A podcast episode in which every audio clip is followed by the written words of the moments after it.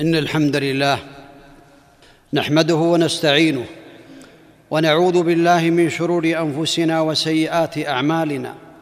من يهده الله فلا مضل له ومن يضلل فلا هادي له وأشهد أن لا إله إلا الله وحده لا شريك له وأشهد أن محمدا عبده ورسوله صلى الله عليه وعلى آله وأصحابه وسلم تسليما كثيرا. أما بعد فهذا الموضوع هو أهم الموضوعات على الإطلاق وأعظم الأمور التي يجب على العباد أن يحققوها تحقيق التوحيد والتحذير مما يضاده. ولا شك أن تحقيق التوحيد هو تخليصه وتصفيته من شوائب الشرك والبدع والمعاصي. فلا شك أن التوحيد المحقق الكامل هو الذي سلم صاحبه من الوقوع في المعاصي والسيئات ومن الوقوع قبل ذلك في الشركيات. وهو في الحقيقة معناه مشتق من وحد الشيء إذا جعله واحدا فهو مصدر وحد يوحد توحيدا أي جعل الشيء واحدا أي قال معتقدا إن الله واحد أحد أو قال لا إله إلا الله. والتوحيد في الحقيقة إفراد الله تعالى بما يختص به من الربوبية والألوهية والأسماء والصفات. والتوحيد هو تحقيق الشهادتين. تحقيق الشهادتين شهادة أن لا إله إلا الله وأن محمدا رسول الله عليه الصلاة والسلام. ولهذا قال النبي صلوات الله وسلامه عليه حينما بعث معاذا إلى اليمن إنك تقدم على قوم من أهل الكتاب فليكن أول ما تدعوهم إليه أن يوحدوا الله تعالى. وفي الرواية الأخرى إنك ستأتي قوما أهل كتاب فإذا جئتهم فادعهم إلى أن يشهدوا أن لا إله إلا الله وأن محمدا رسول الله. وفي اللفظ الآخر فليكن أول ما تدعوهم إليه عبادة الله عز وجل وهذا يدل على أن التوحيد هو تحقيق كلمة التوحيد لا إله إلا الله وأن محمدا رسول الله عليه الصلاة والسلام. ولا شك أن مفهوم لا إله إلا الله لا معبود بحق إلا الله لا معبود بحق إلا الله. من قال بأن معنى لا إله إلا الله لا معبود إلا الله أو قال لا موجود إلا الله فقد أساء في تعريف التوحيد. وقد عرف البدعيات بل عرف الأضرحة وعرف ما يعبد من دون الله تعالى بتعريف التوحيد. لا بل هو لا معبود حق إلا الله. لأن المعبودات كثيرة التي تعبد من دون الله تعالى وهي معبودة بباطل. ولهذا قال الله تعالى ذلك بأن الله هو الحق وأن ما يدعون من دونه هو الباطل وأن الله هو العلي الكبير. والمشركون في عهد النبي عليه الصلاة والسلام كانوا يعرفون معنى لا إله إلا الله. أفضل من كثير من الناس ممن يدعي الإسلام في أقطار الأرض وليس في هذه البلاد بل في بعض الأقطار. يقولون لا إله إلا الله ويدعون غير الله. يقولون لا إله إلا الله ويستغيثون بغير الله. يقول بعضهم لا إله إلا الله ويعمل الأعمال الشركية. وهذا يدل على أنهم لم يعرفوا معنى لا إله إلا الله. فكما سمعنا من صاحب الفضيلة أن النبي عليه الصلاة والسلام كان يقول للناس يا أيها الناس قولوا لا إله إلا الله تفلحوا. فالمشركون يعرفون معناها. ولهذا قالوا أجعل الآلهة إلها واحدا إن هذا لشيء عجاب. علموا بأنهم لو قالوا لا إله إلا الله لعبدوا الله تعالى وحده وتركوا معبوداتهم وعبدوا الله تعالى وحده. ولهذا قال بعض العلماء رحمهم الله تعالى فلا خير في من كان كفار المشركين أعرف منه بمعنى لا إله إلا الله. امتنعوا أن يقولوا لا إله إلا الله لأنهم يعلمون أنهم لو قالوها لتركوا المعبودات من دون الله تعالى وعبدوا إلها واحدا. والخلاصة أن معنى لا إله إلا الله لا معبود حق إلا الله لا يدعى إلا الله ولا يستغاث إلا بالله ولا يذبح إلا لله ولا ينذر إلا لله ولا يحب إلا لله تعالى ولا يبغض إلا لله. يعمل الأعمال الصالحة كلها ابتغاء مرضات الله تعالى يرجو وجه الله تعالى ويخشى عقابه. وكذلك التوحيد له فضل عظيم بينه النبي عليه الصلاة والسلام. ومنه الحديث العظيم الذي قال فيه النبي صلوات الله وسلامه عليه ما كان من عمل يغفر له إذا كان يعمل ويعتقد بهذه الأعمال. ولهذا ثبت عن النبي عليه الصلاة والسلام أنه قال من شهد أن لا إله إلا الله وحده لا شريك له وأن محمدا عبده ورسوله وأن عيسى عبد الله ورسوله وكلمته ألقاها إلى مريم وروح منه وأن الجنة حق وأن النار حق أدخله الله الجنة على ما كان من العمل. هذا يدل على أن من حقق هذه الأمور فإنه يدخل الجنة لأنه قد حقق التوحيد. ولهذا قال النبي عليه الصلاة والسلام من مات لا يشرك بالله شيئا دخل الجنة ومن مات يشرك بالله شيئا دخل النار. وثبت عن النبي عليه الصلاة والسلام من حديث عتبان أنه قال فإن الله حرم على النار من قال لا إله إلا الله يبتغي بذلك وجه الله تعالى. وهذا يدل على أن من قال لا إله إلا الله وعمل بشروطها وأركانها وابتعد عن المعاصي والسيئات فإنه يدخل الجنة من أول وهلة. أما من قال لا إله إلا الله ونقص من أعمالها ومما ينبغي أن يعمل به في شأنها فإنه يكون على خطر عظيم. ويكون تحت المشيئة.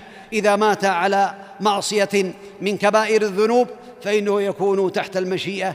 إن شاء الله تعالى غفر له وإن لم يشاء لم يغفر له. إذا سلم ونجا من الشركيات ومن الشرك بالله تعالى. ولهذا ثبت عن النبي عليه الصلاة والسلام أنه قال لمعاذ أتدري ما حق الله على العباد؟ قال قلت الله ورسوله أعلم. قال حق الله على العباد أن يعبدوه ولا يشركوا به شيئا. والخلاصة أن الذي يدل على أهمية التوحيد أن القرآن كله في التوحيد من أوله إلى آخره. ولا نجد سورة واحدة في القرآن إلا وهي تتكلم عن التوحيد كما بين العلماء رحمهم الله تعالى. فالقرآن إما خبر عن أسماء الله تعالى وصفاته وأفعاله وأقواله فهذا توحيد الربوبية والأسماء والصفات. وإما دعوة إلى عبادة الله تعالى وحده وخلع ما يعبد من دونه فهذا توحيد الألوهية. وإما أمر ونهي وإلزام بطاعة الله تعالى وهذا من حقوق التوحيد ومكملاته. وإما خبر عن أهل الشرك وما فعل الله بهم في الدنيا والآخرة وهذا جزاء من خرج عن التوحيد. وإما خبر عن إكرام الله تعالى لأهل طاعته وما يفعل بهم في الدنيا والآخرة وهذا جزاء توحيده ومن قام بتوحيده. إذن فالقرآن كله في التوحيد في حقوقه وجزائه وفي شأن الشرك وأهله وجزائهم. وهذا يدل على أن التوحيد هو الدين كله. ولهذا ينبغي للمسلم أن يعنى بالتوحيد فإذا كان موحدا قائما بالتوحيد في عباداته فالعمل القليل يكون كثيرا. وإذا كان العمل فيه شرك حتى لو كان من الشرك الأصغر فإن هذا العمل إما يكون باطلا وإما يكون قليلا. ولا شك أن عنوان المحاضرة فيها وما يضاد التوحيد. يضاد التوحيد الشرك بالله تعالى. والشرك هو شركان. شرك أكبر وهو صرف نوع من أنواع العبادة لغير الله تعالى وهو أن يجعل العبد لله ندا وهو خلقه وهو أيضا دعوة غير الله تعالى معه وهو أيضا مساواة غير الله تعالى بالله فيما هو من خصائص الله كما قال المشركون الذين يقولون لمعبوداتهم تالله إن كنا لفي ضلال مبين إذ نسويكم برب العالمين. والبراهين الجلية التي أبطل الله تعالى بها الشرك والتحذير منه. حذر عن الشرك. فإن الله تعالى حذر عن الشرك في كتابه في آيات كثيرة. قال الله تعالى إن الله لا يغفر أن يشرك به ويغفر ما دون ذلك لمن يشاء. ومن يشرك بالله فقد ضل ضلالا بعيدا. إنه من يشرك بالله فقد حرم الله عليه الجنة ومأواه النار وما للظالمين من أنصار. قل أتعبدون من دون الله ما لا يملك لكم ضرا ولا نفعا والله هو السميع العليم. قل ادعوا الذين زعمتم من دونه فلا يملكون كشف الضر عنكم ولا تحويلا. فلا شك أن الآيات في الشرك والتحذير من الشرك كثيرة جدا وأعظم هذه الآيات قوله تعالى قل ادعوا الذين زعمتم من دون الله لا يملكون مثقال ذرة في السماوات ولا في الأرض. وما لهم فيهما من شرك وما لهم منهم من ظهير. ولا تنفع الشفاعة عنده إلا لمن أذن له. ولا تدع من دون الله ما لا ينفعك ولا يضرك. فإن فعلت فإنك إذا من الظالمين. وإن يمسسك الله بضر فلا كاشف له إلا هو. ويردك بخير فلا راد لفضله. وقال في الآية الأخرى وإن يمسسك الله بضر فلا كاشف له إلا هو. وإن يمسسك بخير فهو على كل شيء قدير. ولا شك أن على المسلم أن يعنى بالتوحيد ويبتعد عن الشرك فإن كثيرا من الناس إلا من عصم الله تبارك وتعالى في أقطار الأرض يستغيثون بغير الله ويذبحون لغير الله وينذرون لغير الله فتسمع بعضهم يقول يا سيدي فلان يا سيدي مرغني اشفي مريضي؟ يا سيدي عبد القادر الجيلاني يا سيدي فلان يا سيدتي زينب يا سيدي الحسين يا علي يا فاطمة. هذا دعاء لغير الله تعالى وهو شرك أكبر. نسأل الله العفو والعافية في الدنيا والآخرة. يحبط جميع الأعمال والعياذ بالله تعالى. ولهذا قال الله تعالى يضرب الأمثال للناس ويحذرهم من الشرك. يا أيها الناس ضرب مثل فاستمعوا له. إن الذين تدعون من دون الله لن يخلقوا ذبابا ولو اجتمعوا له. وإن يسلبهم الذباب شيئا لا يستنقذوه منه. ضعف الطالب والمطلوب. هذا الذي يدعى من دون الله تعالى. لا يستطيع أن يخلق ذبابا وهو من أضعف المخلوقات. وكذلك لا يستطيع أن يسترد ما أخذ من الطيب الذي قد وضع عليه أو أخذ من دمه أو غير ذلك. فهو ضعيف لا يستطيع أن ينقذ نفسه. ولهذا ضرب الله تعالى هذا المثل العظيم. قال مثل الذين اتخذوا من دون الله أولياء. كمثل العنكبوت اتخذت بيتا وإن أوهن البيوت لبيت العنكبوت لو كانوا يعلمون. بيت العنكبوت ضعيف والإنسان العبد ضعيف ضعيف ياوي إلى ضعيف ويترك الذي إذا أراد شيئا فإنما يقول له كن فيكون. ويترك عبادة الله تعالى الذي يقول إنما قولنا لشيء إذا أردناه أن نقول له كن فيكون فهو المستحق للعبادة. ولهذا الذي يعبد غير الله تعالى لا شك أن في عقله نقص وفي دينه نقص بل يكون مرتدا إن كان من المسلمين عن دين الله إذا أشرك بالله تعالى الشرك الأكبر. ولهذا قد من الله تعالى على هذه البلاد بالتوحيد والخير فالمسلم عليه أن يشكر الله تعالى. ولا شك أن الشرك يبطل جميع الأعمال الشرك الأكبر. وقدمنا إلى ما عملوا من عمل فجعلناه هباء منثورا. هذا هو الشرك الأكبر. شرك الأكبر هو صرف العبادة أو صرف نوع من أنواع العبادة لغير الله تعالى.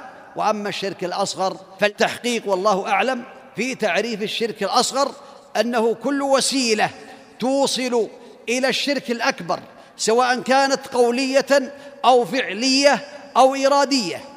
ويصح أن يقال كل ما ذكر في القرآن وفي السنة بالشرك وسمي شركا. لكنه لم يبلغ رتبة العبادة. هذا يقال له شرك شرك أصغر وهو لا يخرجه من الملة ولكن صاحبه على خطر عظيم أن تبطل أعماله والعياذ بالله تعالى. ولا شك أن الشرك الأصغر على أنواع. شرك يكون في الأقوال كأن يقول ما شاء الله وشئت أو أنا بالله وبك أو يحلف بغير الله. فإذا حلف بغير الله أو قال ما شاء الله وشئت أو قال أنا بالله وبك فهو على نوعين. إن كان يعتقد أنه ينفع ويضر من دون الله تعظيما لغير الله بحيث إذا حلف بالنبي قال والنبي ويعتقد بأن النبي يضر وينفع عليه الصلاة والسلام ويعطي وينفع تعظيما له فهو شرك أكبر. أما إذا كان ذلك يجري على لسانه ولا يقصد التعظيم وإنما جرى على لسانه فهو من الشرك الأصغر. شرك النيات والإرادات وهذا هو شرك عظيم. خافه النبي صلوات الله وسلامه عليه على أمته أخوف من الشرك الأكبر. ولهذا قال ألا أخبركم بما هو أخوف عليكم عندي من المسيح الدجال؟ الشرك الخفي أن يقوم الرجل فيصلي فيزين صلاته لما يرى من نظر رجل أي إليه. هذا خافه النبي عليه الصلاة والسلام على من؟ علينا؟ على الصحابة. ونحن من أتباع الصحابة. ألا أخبركم بما هو أخوف عليكم؟ وفي الصحابة أبو بكر وعمر وغيرهم من أصحاب النبي عليه الصلاة والسلام خافه النبي عليه الصلاة والسلام عليهم. ولهذا كان عمر رضي الله عنه كما ذكر عنه أنه بعد موت النبي عليه الصلاة والسلام يأتي إلى حذيفة ويقول أنشدك بالله هل سماني لك رسول الله صلى الله عليه وسلم من المنافقين؟ وثبت عن النبي عليه الصلاة والسلام أنه قال في الحديث القدسي الذي يرويه عن ربه تبارك وتعالى أنا أغنى الشركاء عن الشرك من عمل عملا أشرك معي فيه غيري تركته وشركه. وقال النبي عليه الصلاة والسلام في ذلكم إذا جمع الله الأولين والآخرين ليوم القيامة ليوم لا ريب فيه نادى مناد من كان أشرك في عمل عمله لله أحدا فليطلب ثوابه من عند غير الله فإن الله أغنى الشركاء عن الشرك. رواه الترمذي وغيره. هذا يدل على التحذير من الرياء أعاذنا الله وإياكم منه. ويدخل في ذلكم السمعة. أن يحب أن يذكر بخير أو غير ذلك. والسمعه على نوعين. إما أن يعمل اعمالا صالحة ثم يحدث بها الناس حتى يذكروه وإما أن يعمل اعمالا أمام الناس من قراءة القرآن أو الذكر أو غير ذلك يقصد بذلك ثناء الناس ولا يقصد وجه الله تعالى أو يجمع بين الأمرين يقصد وجه الله تعالى ويحب أن يثنى عليه أمام الناس. فقد قال النبي عليه الصلاة والسلام من سمع سمع الله به ومن يرائي يرائي الله به يوم القيامة. أو كما قال النبي عليه الصلاة والسلام وأول من تسعر بهم النار ثلاثة. منهم الذي يقرأ القرآن. يريد أن يقال بأنه قارئ ومنهم الذي يعلم العلم للناس. يريد أن يقال هو عالم ومنهم الذي يجاهد في سبيل الله. يريد أن يقال شجاع أو يقال جريء. وهذا أمر عظيم ينبغي للمؤمن أن يخاف الرياء والسمعة. أعاذني الله وإياكم منها. إن أخوف ما أخاف عليكم الشرك الأصغر. قالوا وما الشرك الأصغر يا رسول الله؟ قال الرياء يقول الله عز وجل لهم يوم القيامة إذا جزى الناس بأعمالهم اذهبوا إلى الذين كنتم تراءون في الدنيا فانظروا هل تجدون عندهم جزاء؟ رواه الإمام أحمد وهذا أمر عظيم ينبغي للمسلم أن يتقي الله تعالى وأن يسأل الله تعالى الإخلاص والتوفيق وأن يذكر الله تعالى ويسأل الله أن يصلح قلبه وعمله. ومن أنواع الشرك الأصغر شرك الأفعال كمن يعلق التمائم والخرز والودع فيجب على المسلم أن يحذر ذلك. أما وسائل الشرك فهي كثيرة لكن هي باختصار الغلو في الصالحين. كان بين آدم ونوح عشرة قرون كلهم على الإسلام حتى غلوا في الصالحين. ثم بعث الله الرسل عليهم الصلاة والسلام وأولهم نوح عليه الصلاة والسلام. ومن وسائل الشرك بناء المساجد على القبور. ولهذا قال النبي عليه الصلاة والسلام حينما أخبر بأن هناك كنيسة في الحبشة قال إن أولئك أي يقول لام سلمة رضي الله عنها قال إن أولئك إذا كان فيهم الرجل الصالح فمات بنوا على قبره مسجدا وصوروا فيه تلك الصور أولئك شرار الخلق عند الله تعالى يوم القيامة متفق على صحته. هذا يدل على أن الذين يعبدون القبور ويدعون القبور ويستغيثون بها ويصورون الصور فيها ويعظمونها هم شرار الخلق عند الله تعالى حتى لو قالوا لا إله إلا الله لأنهم نقضوا هذه الكلمة العظيمة. اتخاذ قبر النبي عليه الصلاة والسلام عيدا لقوله عليه الصلاة والسلام لا تجعلوا قبري عيدا وصلوا علي فإن صلاتكم تبلغني حيث كنتم. وقال إن لله ملائكة سياحين. يبلغوني عن أمتي السلام أو كما قال النبي صلوات الله وسلامه عليه فأنت تصلي على النبي عليه الصلاة والسلام في أقطار الأرض في أماكن بعيدة تبلغه الملائكة الصلاة تبلغه صلاتك وتبلغه سلامك. كذلك نهى النبي عليه الصلاة والسلام عن الصلاة إلى القبور وقال لا تجلسوا على القبور ولا تصلوا إليها. وكذلك بين النبي عليه الصلاة والسلام ونهى عن الصور ونهى عن التماثيل. فقال عليه الصلاة والسلام كما قال أبو الهياج الأسدي قال قال لي علي رضي الله عنه ألا أبعثك على ما بعثني عليه رسول الله صلى الله عليه وسلم؟ لا تدع تمثالا إلا طمسته ولا قبرا مشرفا إلا سويته.